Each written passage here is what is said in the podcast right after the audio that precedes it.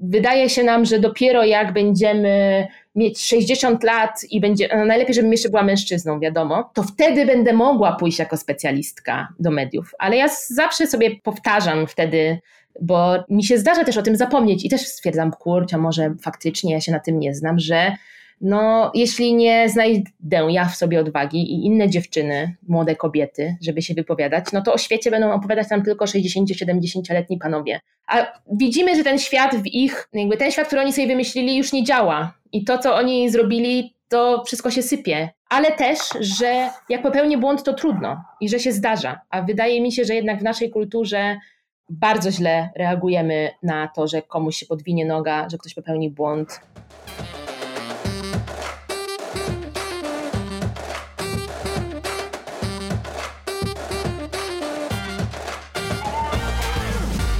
Cześć, tu Ania. Zapraszam do Pracowni Dziewczyn.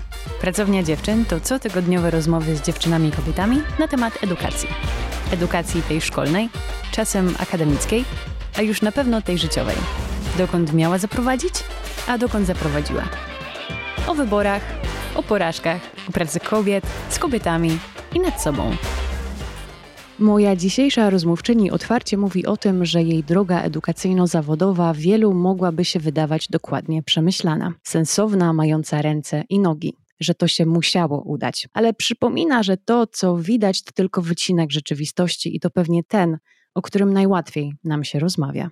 W pracowni dziewczyn często pytam kobiety po drugiej stronie, czy podchodząc do matury, wybierając studia, wiedziały, co chcą w życiu robić, kim być. Wiele z nich, w tym ja, odczuwało presję, że takie wczesne wybory to już tak na całe życie, na amen, jeden zawód i też jakby trochę nie wypada zmieniać zdania, bo może jest już za późno. Tym, którym wydaje się, że Karolina doskonale wiedziała, co chciała wtedy robić, odpowiada: Jedyne, co wiedziałam w wieku 19 czy 25 lat, to to, że nie chcę umrzeć, a wszystko, co nastąpiło później, było gmatwaniną walki o siebie, próbowania różnych rzeczy, porażek, w nawiasie wielu i kilku sukcesów. Karolina Bednarz, absolwentka Wydziału Japonistyki na Uniwersytecie Oksfordzkim, autorka bloga W Krainie Tajfunów, absolwentka Polskiej Szkoły Reportażu, autorka książki Kwiaty w pudełku Japonia oczami kobiet, wydanego nakładem wydawnictwa Czarne współzałożycielka Tajfunów, wydawnictwa i kuratorskiej księgarni w Warszawie, które narodziły się z pasji do kultury i literatury Azji Wschodniej. Współzałożycielka wydawnictwa, choć mówi, że w pracy jako szefowa ma zero umiejętności organizacyjnych i jest typem raczej przytulaśno-pizzowym. Dziś tworzy filię Tajfunów w Krakowie i ma podpisaną umowę na swoją kolejną książkę. Przeciwna narracji Girlboss. Uwielbia podróżować i ponoć, gdy tylko dociera do celu, jej partner musi troszczyć się o jej walizkę, bo Karolina biegnie 10 metrów z przodu i cieszy się jak dziecko nowym miejscem. Nie planuje emerytury. Spędziła dwa miesiące w Korei Północnej, nazywa się człowiekiem chaosem i człowiekiem tajfunem, bo dużo mówi, rantuje i przeklina. Jej ranty, jak niedawno napisała pani swojego czasu, Ola Budzyńska, jak ta dziewczyna się wkurzy, to lecą wióry. A śledzenie konta Karoliny na Instagramie to nauka o Japonii z dala od tego, co instagramowalne i o propagandzie rządzących tym krajem. To wiele otwierających oczy treści geopolitycznych, walka z transfobią i o ochronę osób słabszych, nieuprzywilejowanych i mniejszości w Polsce, ale i poza nią. Karolina Bednarz. Karolino, witam w Pracowni Dziewczyn. Dzień dobry, cześć. Aż mi łezka się zakręciła, kiedy posłuchałam tego wstępu, ale mam nadzieję, że już no nie wiem, że jakoś wybrnę z tego i choć troszeczkę do tego poziomu e, pięknego wstępu jakoś tą rozmową dociągnę. Zobaczymy. Ale proszę bądź sobą, nie przejmuj się. Ale wszystko się zgadza w przedstawieniu ciebie, prawda? Tak, tak. Jakoś nigdy nie myślałam o, o, sobie w ten sposób i to było takie trochę doświadczenie, out of body experience, takie posłuchanie o sobie ustami innej osoby, ciekawe doświadczenie z rana. z rana.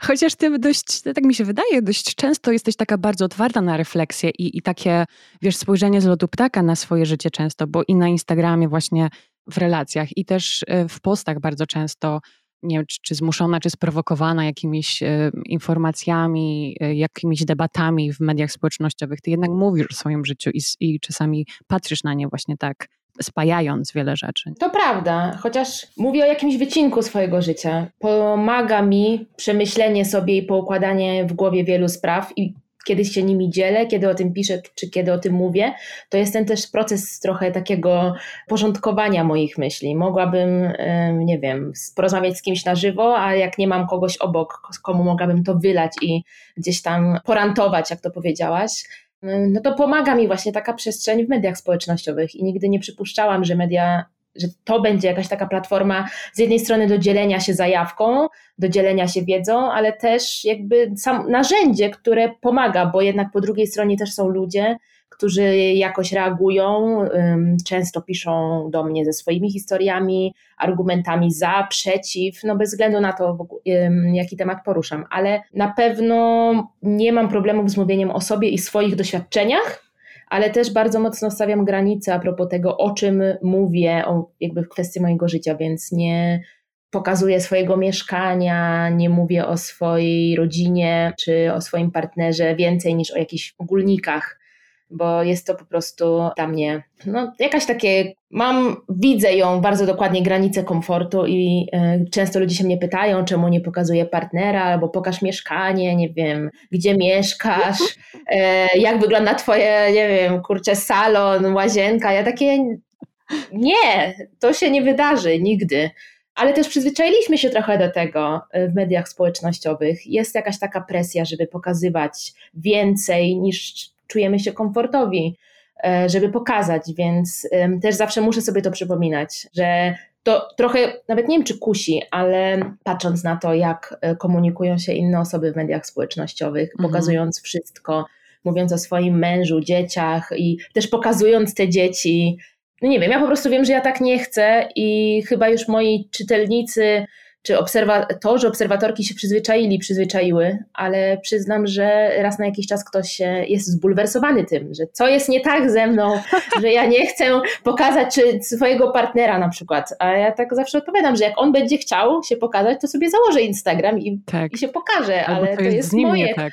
tak, ale to jest dokładnie, ale to jest moje konto, więc jak najbardziej mogę mówić o swoich doświadczeniach, swoich przemyśleniach, ale to wszystko poza mną i moim ciałem i moim doświadczeniem już dotyka też innych ludzi, ludzi, którzy niekoniecznie są na Instagramie, niekoniecznie chcą być, mają swoje życia, swoje zainteresowania. Ale wielkie dzięki za Twoją otwartość właśnie na przykład na Q&A i na pytania od Twojej społeczności i osób Cię obserwujących, bo dzięki temu ja też mam łatwość dobrania swoich pytań.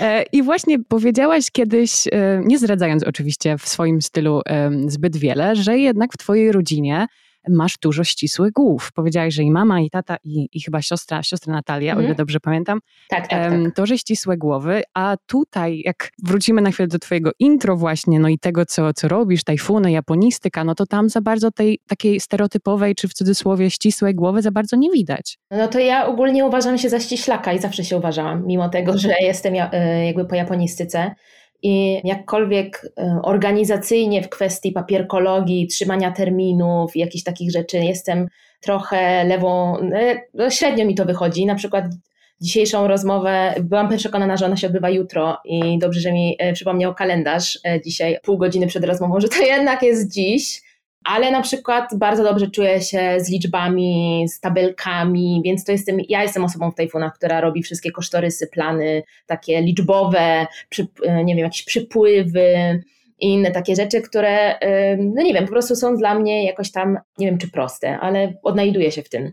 Do drugiej klasy liceum robiłam chemię rozszerzoną i byłam przekonana i ja też, znaczy się wszyscy chyba dookoła mnie, że pójdę na Politechnikę jakąś albo gdzieś w tą stronę. Po drugiej klasie liceum na wakacjach rozmyślałam sobie, co chcę zrobić ze swoim życiem i zdałam sobie sprawę, że ja nie widzę siebie w tym kitlu, fartuchu mhm. na uczelni i że jednak ta Japonia, którą robiłam w czasie wolnym i zawsze, kiedy gdzieś próbowałam zarzucić w szkole nawet, bo tak jak wspomniałaś na samym początku, że jest ta ogromna presja, żeby wcześniej wiedzieć, tak. co się chce robić i wszyscy już stwierdzili, że jak startuję w olimpiadzie z chemii, i dobrze mi to wychodzi, no to chyba jest jasne, że będę robić chemię przez całe życie, kropka.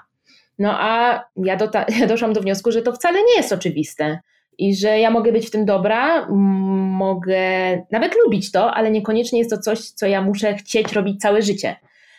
Tu jestem mega wdzięczna moim rodzicom, którzy powiedzieli, kiedy z nimi rozmawiałam na ten temat i bardzo mi to przyszło z trudem, no bo jak to powiedzieć, że ja nie chcę robić już tej chemii. Mm, no i oni stwierdzili, że powinnam robić i pójść na studia na taki kierunek, na jaki chcę, bo jeśli będę studiować to, co mnie interesuje, to automatycznie będę w tym dobra. W sensie, że będzie mi to, po prostu przyjdzie mi to łatwiej. I że jak mam iść na jakąś chemię czy cokolwiek i się tam męczyć, i potem być całe życie nieszczęśliwa, bo robię coś, co po prostu totalnie nie sprawia mi żadnej satysfakcji, no to jest bez sensu. Więc kiedy przyszłam we wrześniu w trzeciej, w trzeciej klasie liceum powrotem do szkoły i powiedziałam, że ja rezygnuję z chemii i informatyki, którą też robiłam rozszerzoną, bo właśnie na przykład stronę tajfunów ja postawiłam całą, więc a propos tego gdzieś tam ten mój ściślak mhm. jest wewnętrzny. I że ja będę robić polski rozszerzony, angielski rozszerzony i niemiecki rozszerzony, no to wszyscy spojrzeli się na mnie trochę jak na wariatkę, na tyle, że wręcz jakby część nauczycieli przestała się do mnie odzywać. O nie! Bo e, na przykład pani z chemii przestała się do mnie odzywać, bo stwierdziła, że jak, ale nie. Chce zawiadać jakieś oczekiwania, tak? Mi, no ja nie wiem, coś musiało mi przegrzać po prostu kabelki na wakacjach i każdy patrzył na mnie tak, że coś, no nie wiem, jakiś kryzys przeżywam, a ja pierwszy raz tak czułam się w miarę dobrze z tym, co robię. Wiedziałam, jaki mam cel. E, już wtedy jakoś e, zaczęłam, już podjęłam taką decyzję, że spróbuję złożyć podanie na brytyjską uczelnię, więc wiedziałam, jak wygląda ten proces. Wiedziałam, że ten proces zaczyna się tak naprawdę już od września, więc kiedy szłam do szkoły, zmieniłam te przedmioty, to ja już weszłam w taki tryb, ja już wiedziałam, co robić i co, co dalej po sobie musi następować. No i na szczęście się udało. Wiadomo, że to pewnie ma samą po prostu jakiegoś farta. Też przyznam, że zawsze byłam molem książkowym i zawsze bardzo dużo czytałam i pisanie, czytanie też. Jakby to nie jest tak, że ja byłam ściślakiem, a byłam zła w pisaniu. Ja chyba byłam dobra i w tym, i w tym. W czym ty byłaś nogą? Było cokolwiek? No już w, na etapie liceum fizyka na przykład i poziom abstrakcji był dla mnie ciężki, ale y, też zdaję sobie sprawę z tego, że miałam po prostu słabych nauczycieli i z fizyki, z matematyki na przykład, że którzy próbowali mi jakby wmówić tak naprawdę, że jestem beznadziejna w tym i że ja się do tego nie nadaję. Ale teraz widzę, że te 10 lat po skończeniu liceum, że to wcale tak nie jest, że gdyby ktoś mi to jakoś sensownie wytłumaczył, to myślę, że byłoby lepiej. Tak samo jak w liceum byłam przekonana, że nienawidzę historii, że historii po prostu nie da się nauczyć i że to jest nudne jak flaki z olejem, a teraz Okazuje się, że piszę reportaże i czytam od paru lat y, pod kątem drugiej książki, historyczne książki i że to jest też ważne i fajne, tylko trzeba fajnie, jakby sensownie do tego podejść. No i u mnie w domu też tak trochę było. Moi rodzice są po Politechnice, oboje, są inżynierami, ale zawsze było w domu bardzo dużo książek. E, więc to nie jest tak, że e, ściślaki i e, nie wiem, zero zainteresowania kulturą. Byłam wychowana w domu gdzie książki były zawsze i te takie po prostu stojące, kupione, ale też wypożyczane z biblioteki, gazety. Więc to czytanie trochę mam we krwi. Wszyscy u mnie czytają dużo w domu. I siostra, która jest lekarką, i rodzice. E, ja, mój partner, który jest z wykształcenia fizykiem, no, wszyscy po prostu te książki, i on też z domu bardziej y, ścisłego, i u niego też te książki są.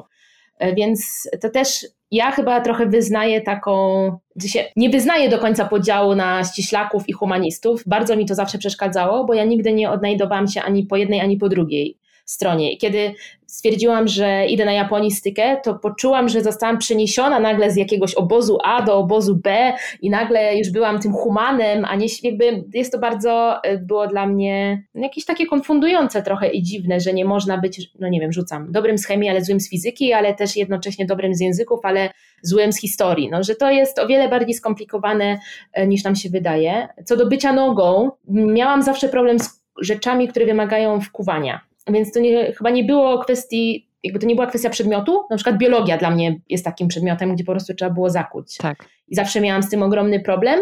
I umiałam to zrobić i tak miałam te piątki, ale po prostu wymagało to ode mnie dużego nakładu jakiejś energii, ale też powodowało bardzo dużą frustrację po prostu, bo ja siedziałam nad tym wieczorem i wiedziałam, że ja umiem to wkuć, tylko że to jest bez sensu. Mhm. Ja siedziałam i się wkurzałam. Czemu ja to muszę robić? Czemu ja się muszę uczyć? A wiedziałam, że muszę mieć też dobre oceny, bo w Anglii przy procesie składania podań na uczelnię też są brane pod uwagę oceny zwykłe. Tak, tak, tak. Nie tylko wyniki z matur, więc myślałam sobie, o Jezu, o Jezu, dlaczego ja to muszę? Dlaczego ja muszę o tych jakichś mitochondriach albo nie wiem, jakimś układzie wiosek na geografii, czy jakichś skałach. Bardzo dużo tej wiedzy w liceum wydawało mi się, i nadal chyba twierdzę, że były bezsensowne. I trochę żałuję, że albo nie umiałam odpuścić i stwierdzić, że trudno, najwyżej będę miała gorsze oceny i zobaczymy, ale gdzieś czułam taką wewnętrzną presję, a propos tych ocen. No i wiadomo, tak jak powiedziałaś na samym początku, że to jakoś się ułożyło i no kto wie, gdybym miała gorsze oceny, czym się dostała, no i tak dalej, i tak dalej, ale jednak te lata, no naście lat tej presji ocenowej, no trochę żałuję, że tak bardzo dałam się w to wkręcić, bo jednak na takim poziomie bardzo obiektywnym to nie ma znaczenia. Powiedziałaś jedną ważną rzecz, Karolino, przy tych nauczycielach fizyki, mhm. że może można to było ci lepiej wyjaśnić. I to jest taka refleksja, która przychodzi, jak powiedziałaś, po jakimś czasie, powiedzmy te 10 lat później.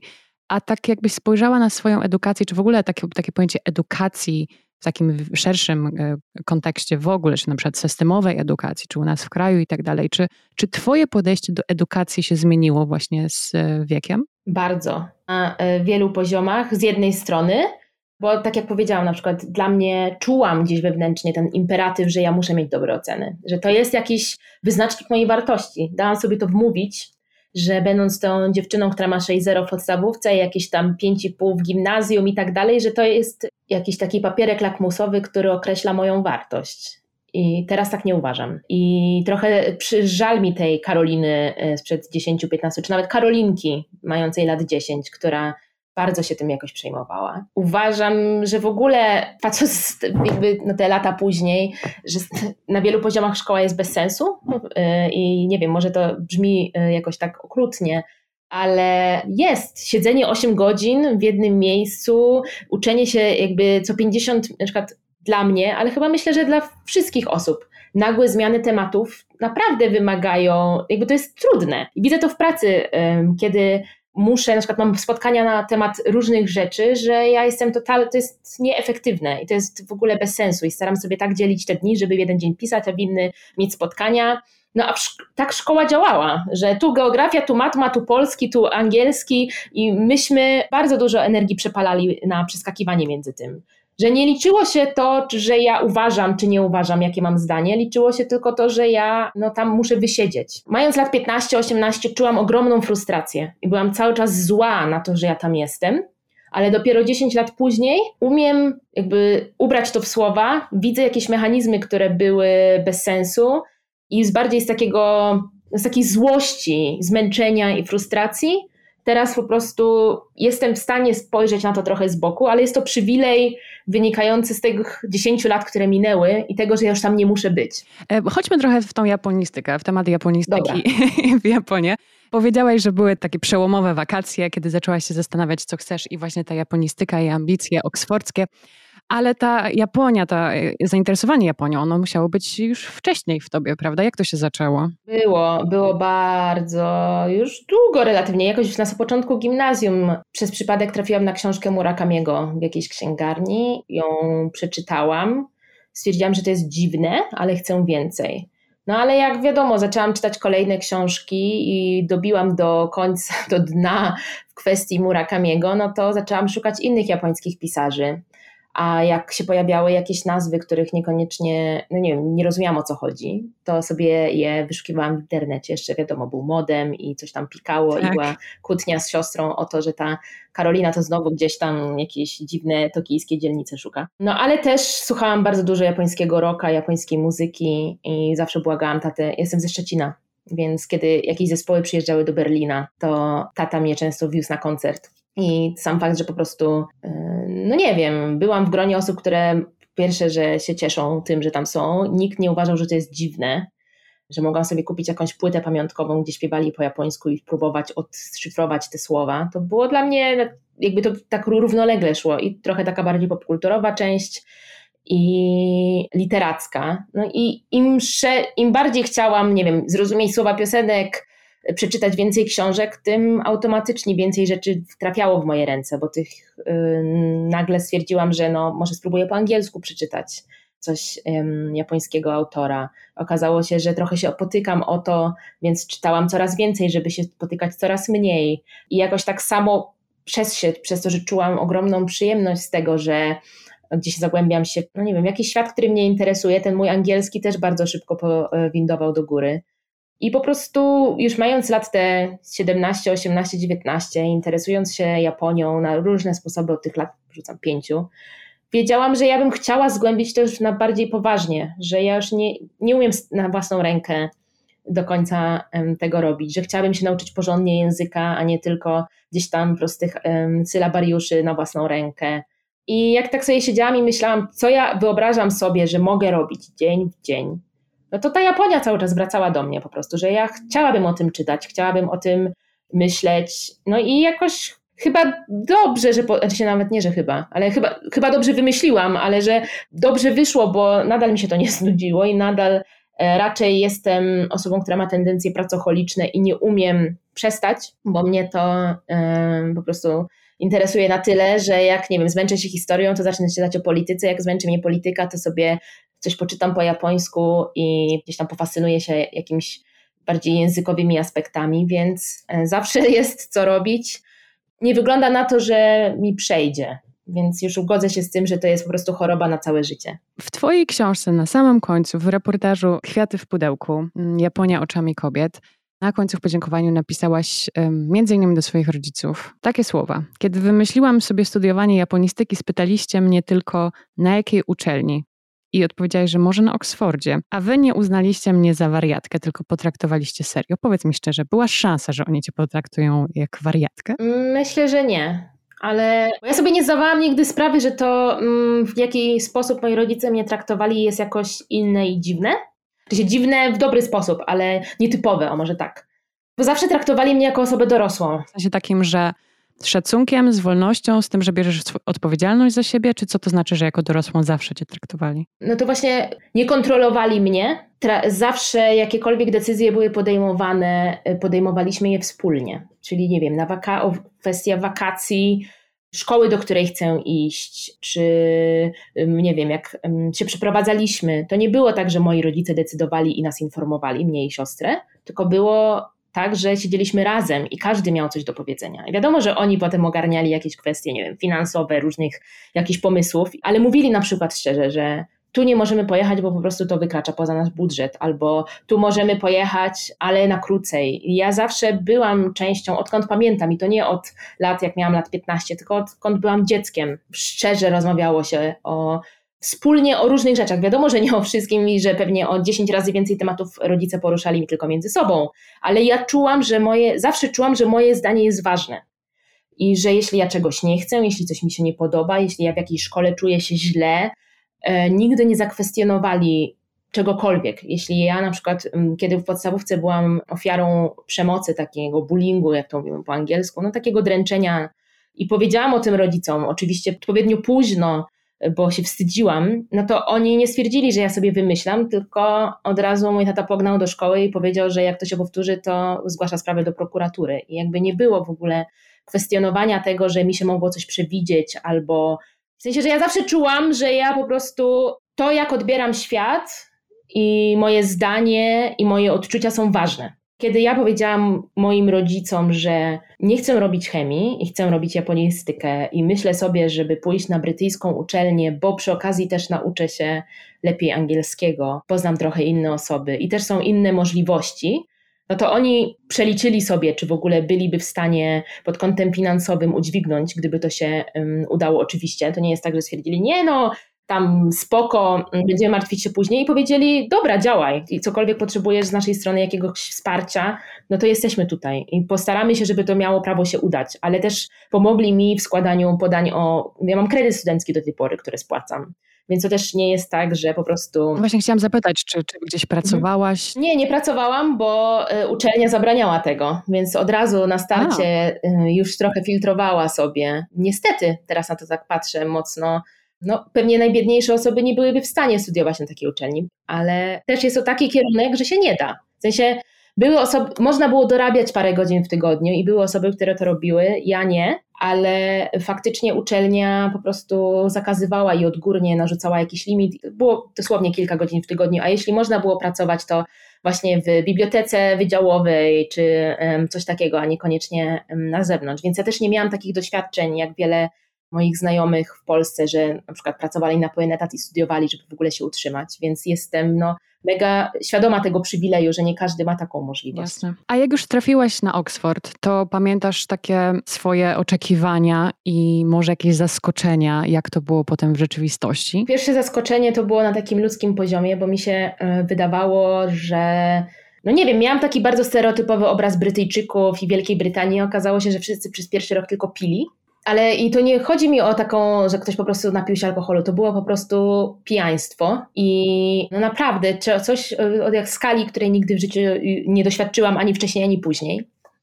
Zdałam sobie sprawę, że ja odczuwam trochę jakiś, nie wiem czy wstyd, ale czułam się jakoś gorsza, że ja nie jestem z tej Wielkiej Brytanii że ja jestem z Polski i na każdym kroku słyszałam, że Polska, a to tam wy to wódkę lubicie wypić, a o Polska, ja mam, y, moja pani sprzątająca w domu jest z Polski. I to było jakby, pierwszy raz zmierzyłam się z taką ksenofobią, można powiedzieć, jakimś taką wyższością tam.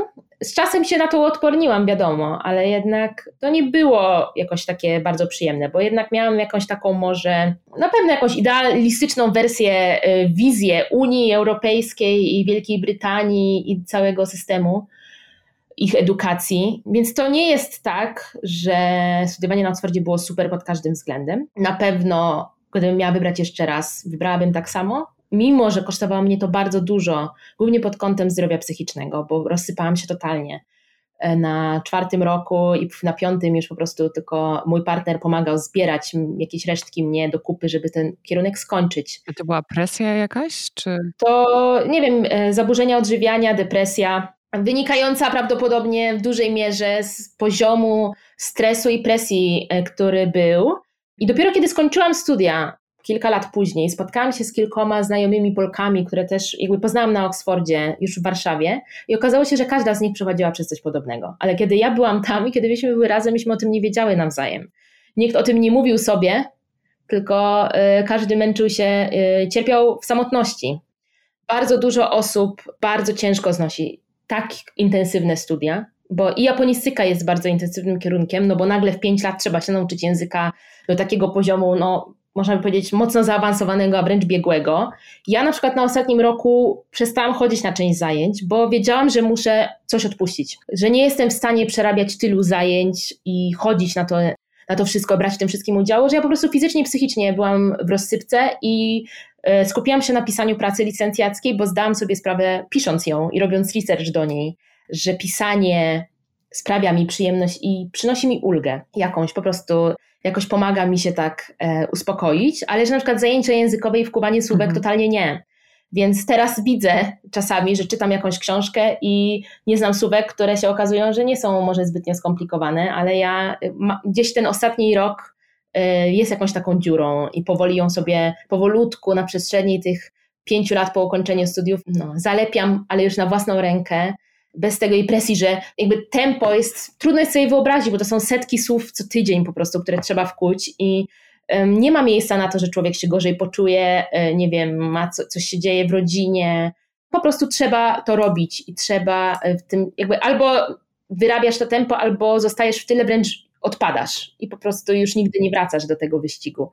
Więc pod kątem presji i tego też takiego porównywałem się do innych osób. Czyli perfekcjonizm też w pewnym momencie się załącza? Na pewno, na pewno, była, bo ja zawsze byłam perfekcjonistką, zawsze byłam tą kujonką i tą, która miała ze wszystkiego dobre oceny i nagle okazało się, że w gronie tych nastu osób na japonistyce każdy taki był. No bo ta uczelnia filtruje takich, wy, wyfiltrowywuje takie osoby.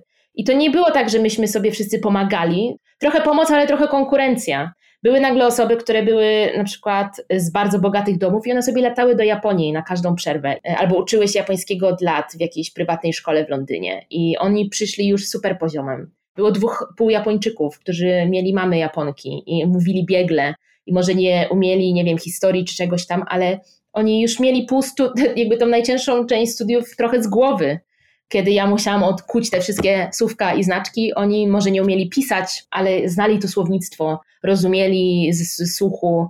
No nie znałam takich osób w Polsce wcześniej dookoła siebie, żeby mieć, miały taki i przywilej finansowy i pod kątem edukacji, ale też po prostu no, jakieś takie fory y, przez to, że były osoby naprawdę pochodzące z różnych państw I no nie wiem, była koleżanka z Chin, która po prostu, no nie wiem, dla niej znaki chińskie, no to wiadomo, no już je znała. I nie każdy jakby startował z tego samego punktu wyjścia, a jednak oceny i sposób oceniania był taki sam. Więc osoby, które gdzieś już na samym początku były trochę słabsze czy z tyłu, no naprawdę nadgonienie tego było, kosztowało bardzo dużo i nie tylko ja, ale sporo osób na, kończąc studia były to w totalnej rozsypce, więc to też nie jest tak, mi się wydawało właśnie, że to ja byłam za słaba i coś było ze mną jakby źle i że może to był zły wybór, ale kiedy kończyliśmy studia, kiedy mm, przystępowaliśmy, przystępowałyśmy do egzaminu, okazało się, że bardzo dużo osób no po prostu źle przeżyła te studia. Nikt prawie nie robi nic związanego z Japonią teraz, bo dla nich te studia były traumą, której po prostu nie chcą już kontynuować. Karolino, ja w ogóle dziękuję, że podzieliłaś się tak y, prywatną historią. To dla mnie bardzo wiele znaczy. Rozmawiamy o tej nauce pod presją i tak, takiej nauce bardzo, mm, bardzo poważnej, ale wiemy, y, myślę, że wiele osób wie, ty jak najbardziej, że można się uczyć też inaczej. Można się uczyć tak bardziej, nie chcę powiedzieć, że hobbystycznie, bo też można się fantastycznie nauczyć, właśnie ucząc się na jakichś śmieszniejszych materiałach, zabawniej, po prostu z mniejszą presją. I tutaj chcę nawiązać, czy nawiązuję już w zasadzie, do wielkiej dramy, która się pojawiła w Twoich relacjach. A propos książki, gdzie e, nauczycielem znaków kanji, z tego co chyba dobrze pamiętam, mhm, tak, tak. jest pan nauczyciel Kupa. Przepraszam, e, co to wrażliwszych słuchaczy i słuchaczki tutaj. Porozmawiamy sobie troszeczkę o Kupie.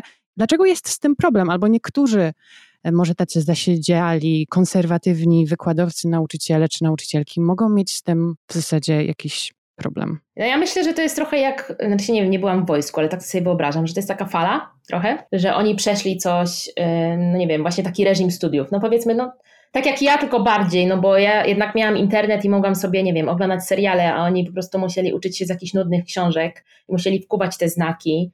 Więc jak oni to przeżyli, to czemu ktoś inny, czemu ich uczniowie mają tego nie przeżyć? I trochę nie rozumieją, że nawet jeśli oni przeżyli, no nie wiem, to tak jak ja, przy, przeżyłam ciężko te studia, ale to nie oznacza, że ja życzę innym osobom tego samego i że każdy dopiero jak przy, się rozsypie, to pozna, czym jest prawdziwa japonistyka. I mm, wydaje mi się też, że jest takie angielskie słowo mm, gatekeeping, czyli właśnie trzyma, dosłownie trzymanie mm, bramy. Tak. I to się odnosi tylko nie, nie tylko do japonistyki czy orientalistyki, i ja to widzę dookoła siebie wszędzie. Mianowicie chodzi o to, że osoby, które mają jakieś doświadczenie, jakąś wiedzę, nie chcą się nią dzielić. Dlatego ja próbuję robić przeciwnie i lubię się e, wiedzą dzielić, bo mi tego bardzo brakowało, kiedy ja byłam młoda. Żeby ktoś po prostu powiedział i a propos w ogóle bycia człowiekiem, że to jest ok, że czasami jest trudno, ale też, że e, są różne sposoby na naukę i nie każdy musi iść na japonistykę. Możesz sobie oglądać anime i to może to ci wystarczy. A na przykład ja teraz najwięcej koreańsk, um, uczę się koreańskiego, wróciłam do koreańskiego, którego uczyłam się trochę na studiach. No i najwięcej widzę progres, przy, e, kiedy oglądam koreańskie seriale. I podejrzewam, że gdybym była na koreanistyce takiej poważnej, no to musiałabym się uczyć z jakichś tam nudnych podręczników, listy słówek, a propos nie wiem czego nawet. Pamiętam nawet słówka z japonistyki, jakieś nie wiem, izby parlamentu, coś tam, a ja nie umiałam powiedzieć, jak jest, nie wiem, kapusta, ale wiedziałam, jak jest Ministerstwo Ochrony Środowiska. W sensie te słówka i ta wiedza, którą się zalewa studentów różnych filologii, jest totalnie nieadekwatna do tego, jak mówią ludzie w danym kraju. I wydaje mi się, że to jest jakieś jedno spojrzenie, ale z drugiej wiele kierunków takich akademickich jest niedofinansowanych więc osoby, które tam zostają, często czują jakąś frustrację i niestety przelewają ją na studentów dalej. Więc ja uważam, że nauka musi być wręcz, nie że powinna być, czy może być. Ona musi nas jakoś cieszyć i wywoływać emocje, żeby nas, w nas coś zostało. To, że ja pamiętam te wszystkie dziwne rzeczy z japońskiej historii, wynika tylko z tego, że mnie to ciekawi. Jak ja to czytam, stwierdzam, o lol, ale ciekawe o kurde, o kurde. I mówię, nie wiem, partnerowi coś powiadam, o, a tu w latach dwudziestych coś tam, bo protestowali przeciwko zwiększającym się cenom ryżu, o, o i on słucha tego i tak, okej, okay, okej, okay, wiadomo, jakby totalny, no dobrze, dobrze, dobrze, dobrze Karolino, no jakby, no jest fajnie, tak. No ale po prostu mnie to interesuje, ale też po prostu angażuję się emocjonalnie to na wielu poziomach. I ja na przykład mam zerowy problem, a wręcz cieszę się, jeśli ktoś będzie się uczył japońskiego na przykład ze śmiesznej książki z serialu, oglądając reality show czy czytając komiksy, bo dzięki temu będzie się chciało tej osobie tego uczyć. A niestety nie ma na to miejsce w systemie edukacji i tej mm, tradycji no, do liceum, ale też na studiach. Jest bardzo mało no, takiego oddechu i jest jakieś kurikulum, jest lista, podrę- no nie wiem, jakichś poziomów, które trzeba zaliczyć, konstrukcji gramatycznych, których trzeba się nauczyć, etap, nie wiem, jakichś momentów historii, które trzeba wkuć, a nie ma aż takiej elastyczności. Mm, mi jest przykro z tego powodu, że, znaczy po pierwsze, że system edukacji wygląda jak wygląda, a po drugie, że nie, słyszę dużo historii od osób, które studiują na przykład japonistykę w Polsce, no bo przez to, że zajmuję się Japonią to i mówię o niej, dużo osób takich do mnie pisze, które chcą studiować albo studiują i piszą mi o jakichś, e, nie wiem, grupach, że e, jest jakaś tam grupa profesorów A i grupa B i oni się nie lubią i nie odzywają się ze sobą i jak się zaprosi jednego, jakaś taka, no nie wiem, po prostu powtórka z gimnazjum dla mnie. No, mi się wydaje, że to nie wynika z indywidualnego jakiegoś, nie wiem, problemu z konkretną osobą, tylko z tego, jak to wszystko jest skonstruowane, że każdy z każdym musi walczyć o tego granta, że to nie do końca jest środowisko, przynajmniej z tego jak ja obserwuję, i dlatego też nie wróciłam do akademii, mimo że mnie bardzo kuś. Jakby, gdybym miała wybrać jedną rzecz, która mnie najbardziej interesuje w życiu, to pewnie byłoby to siedzenie, czytanie i pisanie, więc no, kariera naukowa wydaje się wręcz idealna pod tym kątem, ale jednak nie ma miejsca na y, relacje z, nie chcę mówić normalnymi ludźmi, no ale z ludźmi spoza tej bańki. Dla mnie, mi to sprawia największą satysfakcję i mi nie przeszkadza to, że ludzie popełniają błędy, że powielają stereotypy. Jak mają nie powielać stereotypów, jak takiemu wykładowcy, on nie pójdzie do radia, bo to jest poniżej jego poziomu, on tutaj nie odpisze na maila, bo co on tutaj będzie robił, a potem są pretensje, że jakaś tam Karolina Bednarz czy inna śmią w ogóle wypowiadać się na temat Japonii, ale zamiast Japonii można by tu wsadzić jakikolwiek temat, myślę. I mamy jakąś taką obsesję na punkcie prof. Kropka i tam tych wszystkich y, przedrostków i tak dalej. Wydaje się nam, że dopiero jak będziemy mieć 60 lat i będzie, no najlepiej, żebym jeszcze była mężczyzną, wiadomo, to wtedy będę mogła pójść jako specjalistka do mediów. Ale ja zawsze sobie powtarzam wtedy, bo mi się zdarza też o tym zapomnieć i też stwierdzam, kurczę, może faktycznie ja się na tym nie znam, że no jeśli nie znajdę ja w sobie odwagi i inne dziewczyny, młode kobiety, żeby się wypowiadać, no to o świecie będą opowiadać nam tylko 60-70-letni panowie. A to chyba, a widzimy, że ten świat w ich, jakby ten świat, który oni sobie wymyślili już nie działa. I to, co oni zrobili, to wszystko się sypie. Ale też, że jak popełni błąd, to trudno i że się zdarza. A wydaje mi się, że jednak w naszej kulturze bardzo źle reagujemy na to, że komuś się podwinie noga, że ktoś popełni błąd, że ktoś poda złe dane i co. Nie mamy też, to jest taka mała, mała anegdotka, ale ze, ze studiów. Kiedy był jakiś pierwszy esej musiałam napisać i to było dla mnie traumatyczne przeżycie, bo nagle miałam 3000 słów napisać po angielsku w tydzień. No i coś tam napisałam i otrzymaliśmy te eseje z powrotem, każdy oczywiście pomazany na czerwono. No ja złożyłam go na pół, włożyłam do torby i po prostu siedzę i mówię, dobra, mam nadzieję, że nikt nie widział moich błędów. Jezu, no i co za wstyd. A wszyscy inni po brytyjskim systemie edukacji wyjęli kolorowy długopis i zaczęli sobie notować, że co y, zrobili źle, ale nie pod kątem tego, żeby się biczować, tylko żeby następnym razem nie popełnić tych błędów i żeby następnym razem z tych błędów się czegoś nauczyć. I to była dla mnie potężna nauka i potężny szok i ja to przepracowywałam bardzo długo potem, że ja nie, że dla nich błędy to było bardziej w stylu o, faktycznie, następnym razem muszę spojrzeć na to z tej strony, kropka. Spisali sobie notatki, podsumowali, nawet poprawili sobie na przykład na komputerze ten esej na przyszłość do przyszłych jakichś tam powtórek. I że tak można. I że można po prostu popełnić błąd, dostać, nie wiem, słabą recenzję czegoś, czy jakąś opinię, komentarz, stwierdzić, ok, faktycznie może tak jest, a niekoniecznie robić jakąś imbę czy burzę. A jednak u nas nie, jeszcze nie, ma, nie mamy takiego mechanizmu na indywidualnym poziomie, takim jakimś edukacyjnym, ale społecznym, żeby po prostu powiedzieć, kurczę, mea culpa, albo faktycznie coś mi nie wyszło, powiedzieć, coś palnąłem, przepraszam. No, Karolina Bednarz, mini rant w pracowni dziewczyn. Dziękuję. Kawa zaczęła działać, e, więc ja z góry przepraszam, jak to zacznie się rozkręcać. Nie, nie, wszystko, wszystko dobrze. Książka, reportaż. Pierwsza książka, wydawnictwo czarne. Powiedz mi, jak ty się czułaś, jak po tych dwóch latach rzetelnej pracy, okupionej wieloma emocjami, tak jak podzieliłaś się pewnego dnia na Instagramie, absolutnie przeciw romantyzowaniu całego, całego Twojego procesu. Ile tam było łez, ile tam było decyzji do podejmowania dziennie, ile kubków kawy. Staram się wyobrazić, chociaż nie wiem, czy, czy, czy mogę i w ogóle jestem w takiej pozycji, wyobrazić sobie to, jak rozmawiając z tymi kobietami, które podzieliły się swoimi y, historiami na rzecz tej książki, jak ty z nimi rozmawiasz i wychodzisz z takiej rozmowy, ile tam jest emocji, ile tam jest też pytań, jak E, jak oddać taką prawdę, jak, jak o tym pisać, żeby tu nikogo też nie, nie zdradzić e, tym, e, w jaki sposób napisałaś ich, spisałaś ich historię. Jak ty, jak ty się czułaś, jak skończyłaś, jak postawiłaś ostatnią kropkę i potem zobaczyłaś, że ta książka jest i można ją kupić? Byłam przerażona. Nie. No naprawdę. Byłam przerażona, że, i, że mogłam jeszcze bardziej ją dopieścić. I że co jeśli. Bo to jest norm- jakby ja dopiero potem się dowiedziałam, że to jest normalne, że każdemu się wydaje, że zawsze pół roku więcej zbawiłoby i że bez względu na to, czy się ma 10 lat na pisanie książki czy rok. I ja byłam takie, że ja już to wypuściłam z rąk, to już było poza moją kontrolą i teraz po prostu jak te takie trzy małpki, nie widzę, nie słyszę, nie mówię. Ja po prostu czekałam na pierwsze uderzenie jakichś komentarzy i byłam bardzo zestresowana, byłam przerażona, ale też część mnie czuła ogromną ulgę że to już, to już, już zostało narodzone, już z powrotem nie, nie, nie da się tego schować. To już po prostu wyszło, to już, to już tam jest w tym świecie.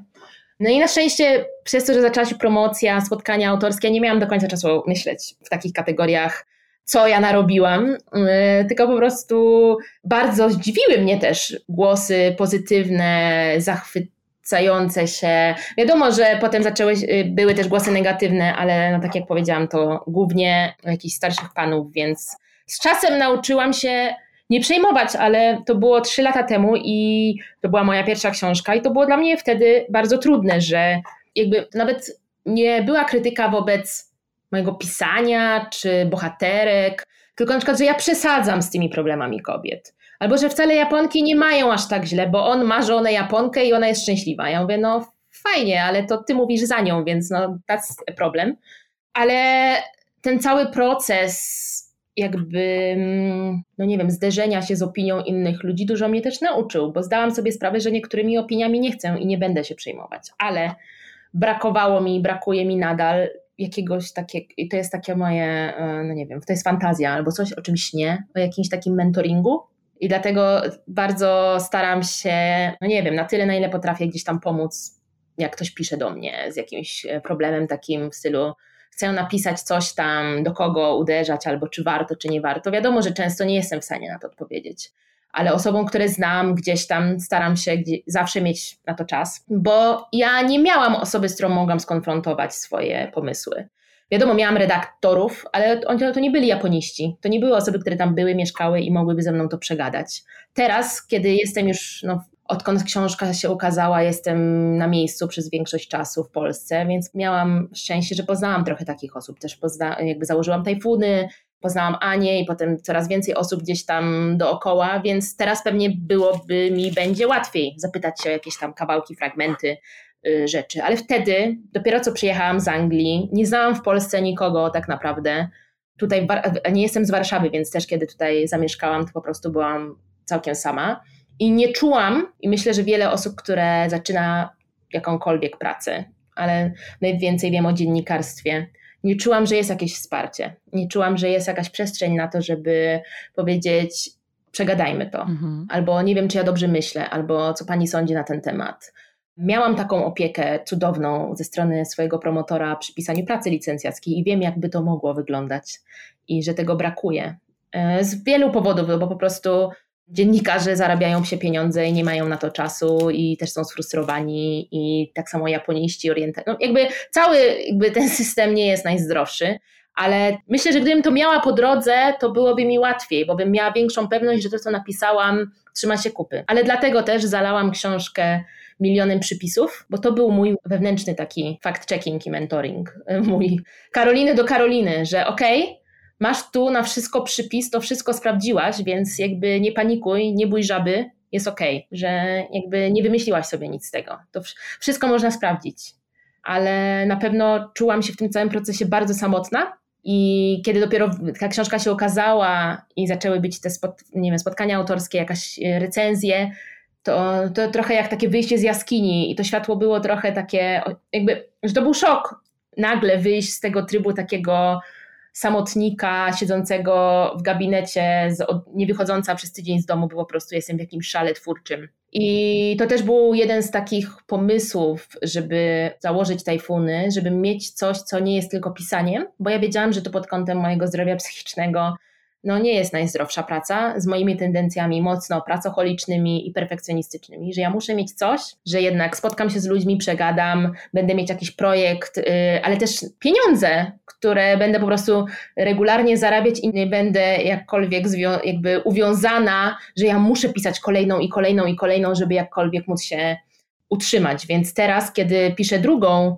czuję większy spokój jednak i umiem do tego podejść lepiej, bo wiem, że piszę w piątki i w piątki mnie nie ma w redakcji, ale y, każdy już wie i nikt do mnie wtedy nie pisze i nie dzwoni i mam po prostu dzień dla siebie, ale jednak w poniedziałek wracam do biura, robimy sobie kawkę z zespołem i już mam ludzi. I już jest jakiś, już jest kontakt, już możemy się trochę powkurzać, trochę pośmiać i na siebie, i na ludzi ze zewnątrz, ale że jednak ten przegadanie nawet czegoś, powiedzenie, ej, słuchaj, piszę o tym, czy czytam o tym, czy spojrzę, nawet chęć pomocy i z, o, ze strony osób w tajfunach i jakichś osób, które poznałam na swojej drodze, też dzięki mediom społecznościowym, które na przykład są dziennikarzami. Często to są młode dziennikarki, które mówią: Hej, jak będziesz miała jakiś problem z jakimś fragmentem, to podeślij z chęcią spojrzę. Czuję się o wiele mniej samotna teraz w tym procesie. I mimo tego, że pisanie książki jest bardzo samotną pracą, wydaje mi się, że zapominamy o tym, że tak nie powinno być i że to w idealnym świecie to jest praca zespołowa, no bo są i bohaterowie, i bohaterki, ale też jest redakcja, korekta,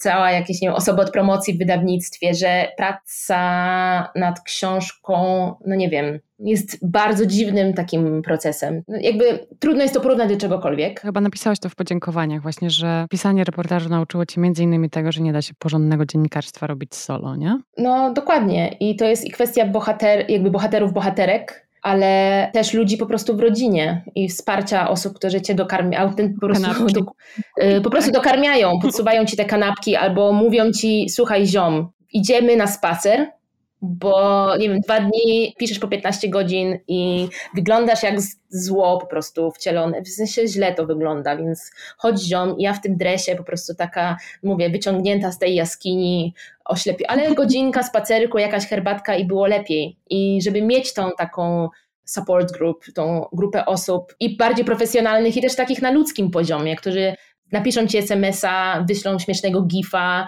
i po prostu spytają się, ej, wszystko, wszystko styka, wszystko git. No właśnie chciałam pytać, czy przy drugiej książce będzie inaczej, będzie lepiej, czy właśnie będzie, wiesz, działanie na podstawie lekcji, które wyniosłaś z pierwszego reportażu i bardzo dobrze się tego słucha, że, że powinno być łatwiej, powinno być lepiej. Ale powiedziałaś, zanim napisałaś tę pierwszą książkę, czy, czy zanim ona się ukazała, to napisałaś, że chciałabyś, żeby ten reportaż był inny niż wszystkie. Chciałabyś go napisać inaczej. Co to znaczyło? Po pierwsze, zależało mi na tym, żeby napisać o rzeczach, o których się nie pisze.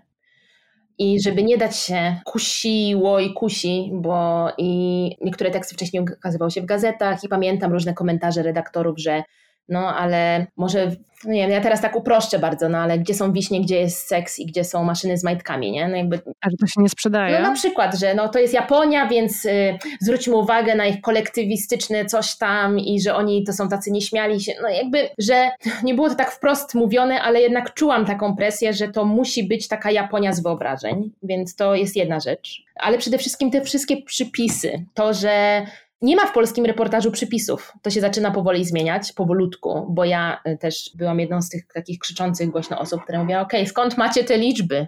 Skąd macie te cytaty? No nie może być tak, że ktoś pisze reportaż o kraju X i nie ma żadnego przypisu. I wydaje mi się, że to też jest moje, nie chcę mówić spaczenie, bo szczerze mówiąc to jest dobre. To jest ta nauka, którą wyniosłam z Anglii, że własność intelektualna jest bardzo ważna i że plagiat jest kradzieżą i że jeśli ja nie zrobiłam jakichś badań i, i piszę, że rzucam 27% osób coś tam, coś tam, ja tego nie policzyłam, ja tego nie sprawdziłam. Za tą liczbą stoi praca często całego zespołu. I to po pierwsze, że nie chcę kraść ich wiedzy, to jedno, ale też należy im się to, żebym ja to trochę pokazała światu, że hej, to badanie zrobił ten zespół, albo ta osoba, albo ten profesor. I dlatego wszystkie jakieś liczby, dane, których ja sama nie sprawdziłam, nie policzyłam, Ja wszystko zaznaczyłam w przypisach. Zrobiłam słowniczek y, jakichś terminów, które mogą być niejasne, bo też nie chciałam wymazywać japońskich słów, które często ich tłumaczenie może być takie dosyć no, dookoła. I nieważne, czy to była kwestia jakiegoś jedzenia, systemu, szybkiego pociągu. Chciałam, żeby czytelnicy też się oswoili z tym, że nie są nowe słowa i oni mogą ich nie znać i że to jest ok i że mogą się czuć bezpiecznie, mają ten słowniczek, no ale przede wszystkim właśnie te trochę reportaż, nie chcę powiedzieć, że ja tutaj odkryłam Amerykę, bo tak nie jest, bo w Anglii to jest normalne. Po prostu mi bardziej pasuje ten anglosaski reportaż, mimo wszystko. Jest zawsze bibliografia, zawsze są tak. przypisy, e, jest o wiele bardziej akademicko taki esejowy tak. I zdecydowanie bardziej jest to reportaż, który mi pasuje, ale kiedy ja pisałam, nawet byłam w Polskiej Szkole Reportażu, to nie jest coś, co spotykało się z dobrym odbiorem. To było raczej coś, że to jest za dużo antropologii, nudy, jak jest historia, a jaką tam miał kolor czegoś tam, tu jak ktoś na kogoś spojrzał, tu jakaś poetycka metafora, a mnie to nigdy nie interesowało. I wydaje mi się, że piszę całkiem ok, na tyle, żeby te mm, rzeczy, które chcę powiedzieć, czytało się dobrze, ale chyba im jestem starsza, tym coraz bardziej zostaję przy tym jednak, że ja chcę przekazać jakąś wiedzę i to jest mój priorytet. Chcę przekazać jakąś historię, ale niekoniecznie dla mnie priorytetem jest robienie literatury dla samej siebie. Nie wiem, czy to, co powiedziałam, ma jakiś sens, ale mam nadzieję, że tak. To ma sens. Ja sobie teraz e, wertuję przypisy końcowe w Twojej książce i słowniczek, i bibliografię. I, I, też jak czytałam tę książkę, to, to bardzo, bardzo. Ja chyba nawet wtedy nie wiedziałam. Nie, to chyba byłoby kłamstwo, bo, bo zawsze czytam te wszystkie okładki, e, co jest napisane o, o autorach i wiedziałam, że studiowałaś na Oksfordzie, ale to mi bardzo przypominało e, moje czasy studenckie e, w mhm. Londynie mhm. z kolei, gdzie właśnie tam akurat najczęściej harwardzki system przypisów tak, tak. i wszystko musi być sprawdzane i czy nie ma właśnie plagiatu, czy jakby przekształcenie danego fragmentu jest wystarczające, czy to powinno być w cytacie, czy to Dokładnie. nie powinno być w cytacie. Uwielbiam to, że, że faktycznie jeżeli znajdę gdzieś jakieś dane, albo jakiś temat, który mnie bardzo interesuje i jest odwołanie, gdzie można więcej na ten temat poczytać, to ja się bardzo cieszę, że, że właśnie mogę gdzieś zgłębić moją wiedzę na, na dany temat. Ale zauważ, że w mediach zagranicznych to już się zaczyna robić norma. Niekoniecznie są to przypisy w takiej tak. formie lit, ym, cyferek, ale zwłaszcza w wydaniach online, kiedy wejdziesz sobie, nie wiem, na New York Timesa czy Guardiana, wszystkie jakieś rzeczy są linkowane i nie tylko wewnątrz tak. portalu, ale często to są linki do jakichś raportów rządowych, badań, że je, nawet czytając po prostu jakiś news, ja od razu mogę trafić do jakiegoś raportu, na y, którym oni bazują i nie muszę już się sugerować nawet opinią dziennikarza, tylko ja już mówię, a okej, okay, raport, nie widziałam go, ja sobie pogrzebię i zobaczę, co, co z tym jest. I że to nie jest po prostu no, takie z czapy wzięte. I bardzo to zawsze doceniam. Opowiadałaś o braku mentoringu, czy osoby, z którą można by przedyskutować pewne tematy w procesie pisania. A tajfuny, tajfuny już w duecie duecie, aczkolwiek no, tak, na takim prawnym poziomie no to jest to moja działalność, ale wiedziałam, że teoretycznie ja jestem szefową i widzę, że jednak kiedy się zmieniła trochę dynamika zespołu, bo nagle jest dziewięć osób, no to trudniej jest już wszystko wszystkie decyzje podejmować we dwie ale podzieliłyśmy się po prostu bardziej obowiązkami, bo Ania jest dyrektorką wydawniczą i ona odpowiada za wszystkie wydawnicze. Jakby wszystko pod kątem wydawnictwa tekstów przechodzi przez nią i ona jakby to wszystko ogarnia. Ja ogarniam tą całą chaotyczną resztę, ale to też wynikało jakby z dwóch rzeczy. Po pierwsze, że ja spotkałam Anię niezobowiązująco i fajnie nam się gadało, była e, fajna energia i też każda z nas jest inna, i na poziomie charakterologicznym i predyspozycji i jakiś um, trochę tego, co nas kręci. I to było fajne. Wiadomo, że to nie jest zawsze łatwe, ale jednak dla naszej pracy jest no super i w ogóle dziękuję wszystkim bóstwom, że Ania na mojej drodze stanęła, no bo człowiek złoto i bez niej na pewno w ogóle wydawnictwo, jakby Tajfun jako wydawnictwo nie istniałoby, a na pewno nie byłoby tak, jakie jest teraz. Ale ja po prostu nie chciałam już pracować sama. Ja już skończyłam tą książkę, ja wiedziałam, że ja potrzebuję zespołu i ja nigdy nie przypuszczałam, że to będzie dziewięć osób, tak jak jest teraz, ale że nawet we dwie jakoś byśmy to ogarnęły. Obie miałyśmy ogromną zajawkę i nadal mamy na wydawanie książek na japońską literaturę. I to jest fajne, że kiedy jedna z nas ma gorszy czas, to ta druga bardziej ciągnie i na odwrót. ale też chyba dlatego, że Ania była gotowa pójść ze mną prosto też. I nie chciała wydawać takich książek, jakie są wydawane, nie chciała robić tego w taki sposób, jaki się robi w wielu przypadkach, że nie wiem, tłumaczy się nie z japońskiego, tylko z angielskiego, puszcza się jakieś teksty pełne baboli z gejszą na okładce, też miała bardzo silne przekonania pod kątem tego, jak chciałaby w idealnym świecie, żeby to wyglądało. I te moje przekonania były bardzo podobne do tego, co Ania uważała, więc po prostu same trochę wykarczowałyśmy sobie drogę. I dlatego we dwie. W sensie najważniejsze było dla mnie iść tą drogą, jakby bycie prawdziwy, jakby true to myself i w zgodzie ze sobą. I to, że Ania też chciała być w zgodzie ze sobą i jej zgoda pokrywała się w bardzo dużej mierze z tą moją, sprawiło, że jestem w zespole, a to nie jest tak, że najpierw był pomysł, że o, muszę być w zespole i potem go sobie um, tworzyłam i też nikogo nie wciągałam na tą drogę. No ale potem jak ją wykorczowałyśmy, no to ona zaczęła się robić coraz szersza i teraz wygląda to sensownie, ale wtedy nie wiedziałyśmy do końca, jak to um, zostanie odebrane i czy może, w sensie nie wiem, czułam, że jest zapotrzebowanie i zainteresowanie, no ale jednak był stres, co z tego będzie. No a teraz co? Już tych książek jest naście, do końca roku jeszcze będzie kolejne pięć czy sześć. Bo, więc no, tempa nabieramy i bardzo, mimo tego, że jestem zmęczona potwornie, to bardzo, bardzo mnie to cieszy. Co tajfuny to sukces, tak na to patrzysz? No chyba tak. Trudno mi jest to powiedzieć, bo jednak ja mam problem z poczuciem własnej wartości, jeśli można tak powiedzieć, zauważeniem swoich sukcesów. I kiedy ludzie mi piszą w wiadomościach, wow, Karolina, tyle się od ciebie uczę, coś tam, to ja stwierdzam, nie, ale to są tylko stories, a to tam tylko jedną książkę napisałam, a nie trzy, no otworzyłam wydawnictwo, ale no staram się ile mogę, ale to nie jest idealne. Ten perfekcjonizm i jakiś taki to jest we mnie. I to nie mówię tego kokiet, jako kokieteria, że o Boże, ja będę mówić, jak to ja nie jestem idealna, żeby usłyszeć komentarze, tylko ja autentycznie tak myślę i to jest coś, nad czym pracuję, bo chciałabym móc powiedzieć, nie no, to jest super i to jest sukces i jestem 100% dumna, bo tak jest. I kiedy tak myślę sobie mhm. o tym, no to jest sukces. Jest sukces, że mogę zatrudniać 8 osób na fair warunkach, wydawać książki takie, jakie chcę wydawać, w sposób, jaki chcę wydawać tworzyć fajne miejsce pracy, tak mi się wydaje. Budować filię teraz. Robić drugą księgarnię, realizować jakieś swoje zajawki, pomysły też pod kątem, no bo nie wiem, mnie to kręci nie tylko samo promowanie literatury, ale też teraz rozmawiamy sobie o jakimś designie, płytkach, meblach i jakieś takie bardziej namacalne, projektowe rzeczy. To jest coś, w czym ja się całkiem dobrze odnajduję. I jakieś takie trochę szerzenie naszej e, tajfunowej wizji literatury i wiedzy o Japonii, naprawdę sprawia mi ogromną satysfakcję, ale jednak no, mam nadzieję, że kiedyś będę umiała zacząć rozmowę od tak, to jest sukces, kropka, że kiedyś to przyjdzie do mnie, że będę umiała po prostu tak powiedzieć i nie tłumaczyć się dookoła, jak to robię teraz.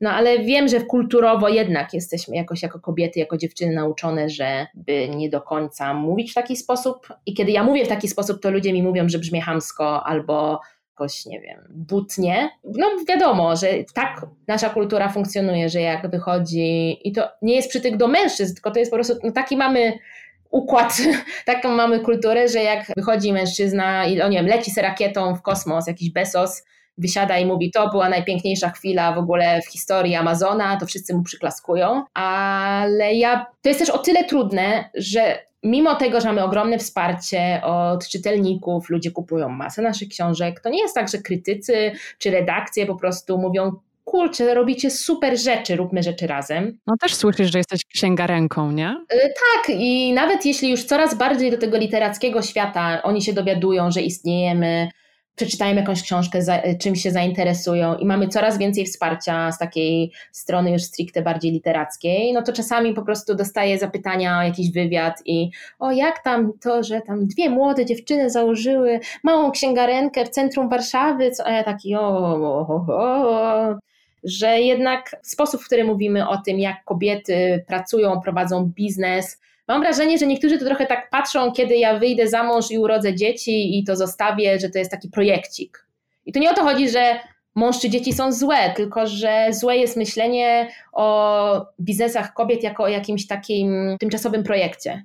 Bo ja nie myślę w tajfuna, o tajfunach w taki sposób. Raczej chcę, żeby to, nawet jeśli ja się z tego kiedyś wycofam na, nie wiem, no, czy na rok, czy na dziesięć, czy na zawsze, to ja chcę, żeby to istniało i się rozwijało i funkcjonowało i szerzyło tą zajawkę do Azji i azjatyckiej literatury, ale jednak myślę sobie, że gdybym była albo starszą kobietą, albo najlepiej starszym mężczyzną, to na pewno byłabym od samego początku traktowana bardziej serio, a nie koniecznie jako taka side project, jakieś tam dziewczyny się bawią i w ogóle no fajnie jakby im wyszło, ale ha, ha, ha no wiadomo jak to jest, więc kiedy teraz zapraszamy już do naszego biura e, kogoś i to nie jest już biuro w kanciapie księgarni, tylko już biuro, biuro, kiedyś w, roz, w rozmowie z kimś tam pada, ile sprzedajemy egzemplarzy każdej książki, no to trochę ludziom ta szczęka opada i wtedy czuję, że może, że to jest sukces i że muszę się nauczyć, musimy i ja i wszystkie inne kobiety myśleć o sobie w taki sposób, więc życzę nam wszystkim tego. No ja widzę od czasu do czasu, jak właśnie mówisz, że ojoj,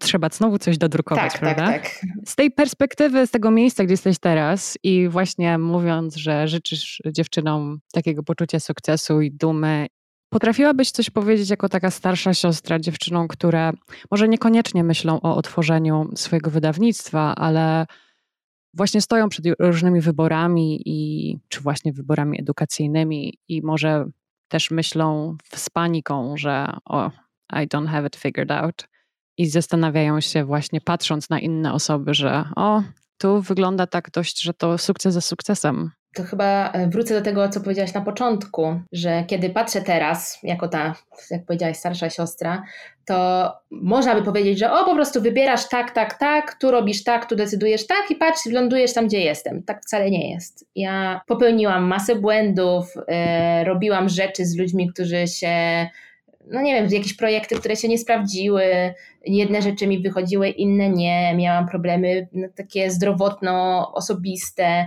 I mówię o tym też, o tym, że nie wiem, miałam zaburzenia odżywiania czy stany depresyjne, nie po to, żeby, nie wiem, ktoś mnie pocieszał, tylko żeby pokazać, że to nie jest tak, że ja to wszystko miałam, nie wiem, była ścieżka przede mną, ja po prostu na nią weszłam i jolo, wszystko piękne, pięknie, łatwo. I że to też nie jest wstyd, jak nam się sypie, jak się nam zmienia zdanie, że ludziom to będzie przeszkadzać, będzie ich to ubierać i to jest ok. Gdybym miała komuś coś wiem, dać radę, to żeby na tyle, na ile jest to możliwe, bo ja zdaję sobie sprawę, że nie dla każdy, każdy ma taką możliwość, ale nie dać sobie wmówić przez rodziców czy nauczycieli, że musicie iść na kierunek, który da wam pracę, bo nie wiemy, co za 5-6 lat będzie dawać pracę. To jest jakieś w ogóle. Mam znajomych, których na których rodzice wymusili, żeby szli na budownictwo czy coś, i teraz skończyli to budownictwo, żeby potem iść na te studia, na które chcieli od początku, ale już mieli 6 lat czy 5 na studiach, których po prostu nienawidzili. I znam za dużo takich osób, niestety. I wydaje mi się, że to jest bardzo smutne, bo potem takie osoby często zostają na uczelni i są właśnie tymi sfrustrowanymi profesorami, którzy krzyczą, że pan kupa to nie przystoi. No ale żeby, jako dziewczyny zwłaszcza, żeby nie dać sobie wmówić, że, nasz głos nie, że nasz głos nie ma znaczenia i że to, że nas coś uwiera, przeszkadza, że czegoś doświadczyłyśmy, że wstyd o tym mówić albo nie wypada zabierać, nie wiem, miejsca musimy chyba, znaczy się nie wiem, czy musimy, ale chciałabym, żebyśmy jednak znalazły w sobie taką motywację. I ja chciałabym, żałuję, że nie umiałam w wielu tych rzeczach powiedzieć wcześniej. Sobie najpierw, potem bliskim, a dopiero potem gdzieś tam bardziej otwarcie, bo wydaje mi się, że jest to ważne, żebyśmy nie tylko dzieliły się swoimi sukcesami, ale też porażkami. I że dopiero kiedy znormalizujemy powiedzenie, ok, no wyszło mi, wyszedł mi projekt X, ale to i to i to i to i tam to się nie posypało, no jakby nie wyszło mi się posypało, będziemy widzieć w siebie ludzi, bo ja nie chcę być tak naprawdę chyba w oczach kogokolwiek jakąś superwoman, bo nie jestem. Jestem zwykłą Karoliną, która robi niektóre rzeczy i niektóre jej wychodzą, ale pewnie wiele rzeczy, które nie wychodzą, nawet o nich nie mówię, no bo po prostu zostawię, rzucam je w kąt i stwierdzam, no, no to nie, to, to mi nie pykło. No i żeby gdzieś pamiętać, że za to, co ja pokazuję, ja i inni na mediach społecznościowych, to jest jakiś tam mały wycinek. I zapominamy o tym. Ja też o tym czasami zapominam. I też czasami czuję presję, że shit, a tam jakaś dziewczyna wstaje rano, ćwiczy jogę codziennie, coś, czemu ja tak nie mogę, czemu jestem ciągle taka zestresowana i zmęczona, ale no potem przypominam sobie, że no, może ona wcale tak nie robi, a może robi tak, ale nie robi innych rzeczy, które ja robię. I chyba ta wyrozumiałość wobec siebie, o, wyrozumiałość i gdzieś tam wiara w to, że jeśli coś czujemy, coś myślimy, to mamy prawo to czuć i myśleć. I teraz, kiedy mam lat 30, wydaje mi się to oczywiste, ale kiedy miałam lat 19, niekoniecznie tak było, bo może w domu to było oczywiste, ale w świecie już niekoniecznie. I w świecie, kiedy mówiłam, że coś jest nie tak, z reguły dostawałam po łapach, a to nie było tak, że o dzięki, że się dzielisz swoimi przeżyciami, tylko po co narzekasz, znowu coś ci nie pasuje. No i nie mam wpływu na reakcje innych ludzi i tego ja nie mogę zmienić i to też sobie jakoś przepracowałam w głowie.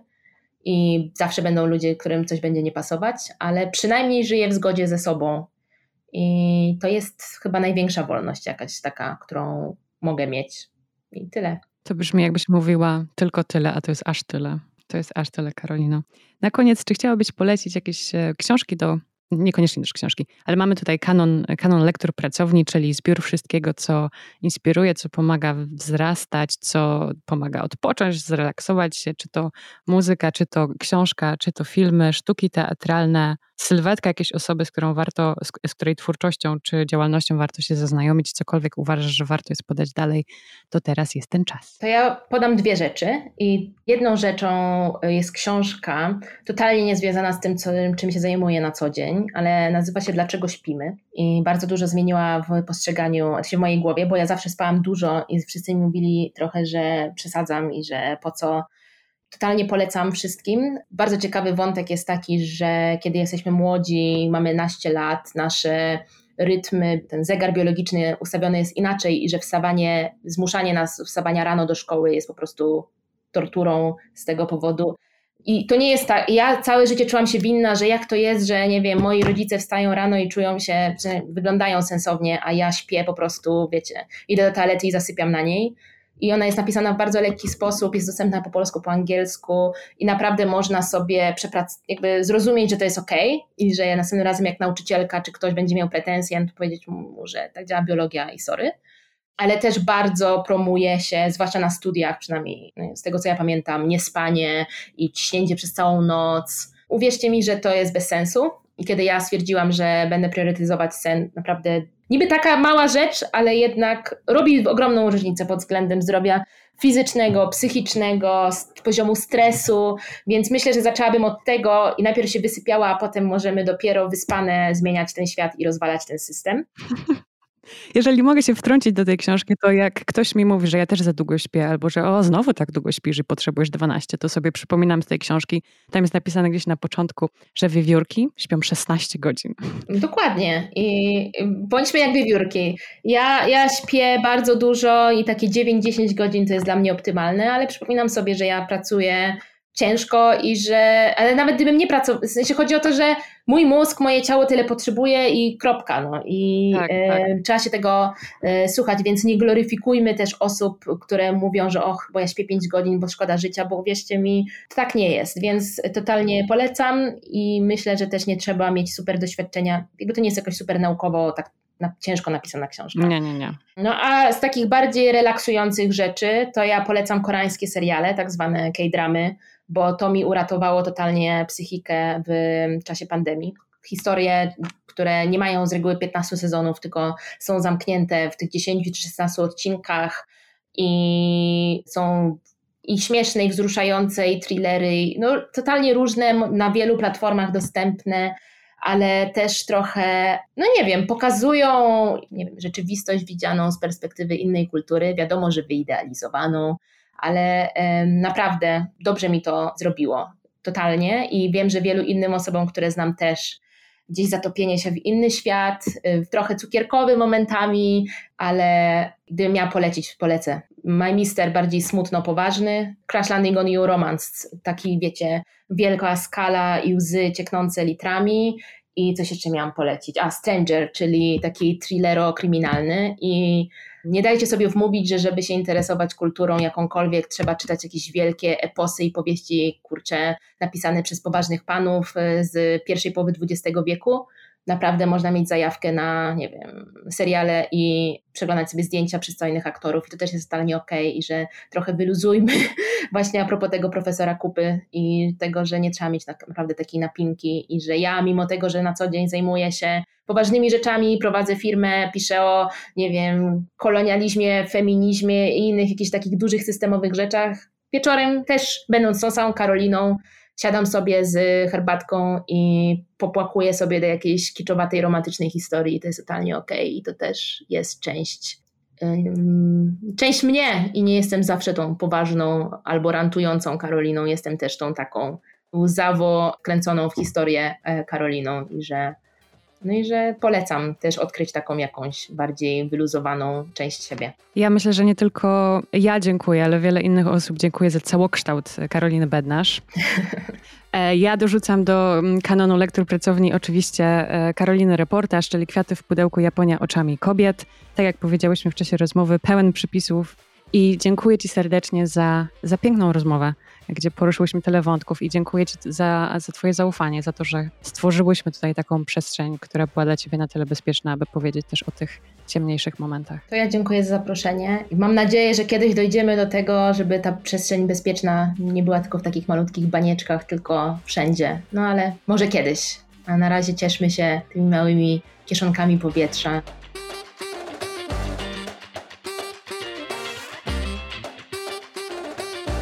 Więcej o Karolinie, jej pracy i Japonii na stronie i blogu Karoliny, czyli karolinabednarz.pl, ale i na jej koncie na Instagramie w krainie tajfunów. Zapraszam również na stronę tajfunowego wydawnictwa, czyli tajfuny.pl. Wszystkie linki i polecenia Karoliny do kanonu lektur znajdziesz w opisie tego odcinka Tak dla Wygody. Dziękuję Ci za wysłuchanie tej rozmowy i zapraszam do podzielenia się nią z innymi, pocztą pantoflową czy w mediach społecznościowych. Jeśli jest to Twoje pierwsze spotkanie z tym podcastem, wiedz, że pracownia jest na Instagramie, pracownia dziewczyn pod, ale jest też na Facebooku pod pracownia dziewczyn i na YouTubie. Jeśli chciałabyś, czy chciałbyś zaproponować potencjalną bohaterkę do przyszłego odcinka, czy po prostu napisać, podzielić się ze mną refleksją, a może zostać sponsorem lub sponsorką podcastu, możesz wysłać maila na adres pracownia dziewczynpodcast.gmail.com Trzymaj się w te jesienne dni i do usłyszenia w kolejny czwartek. Cześć!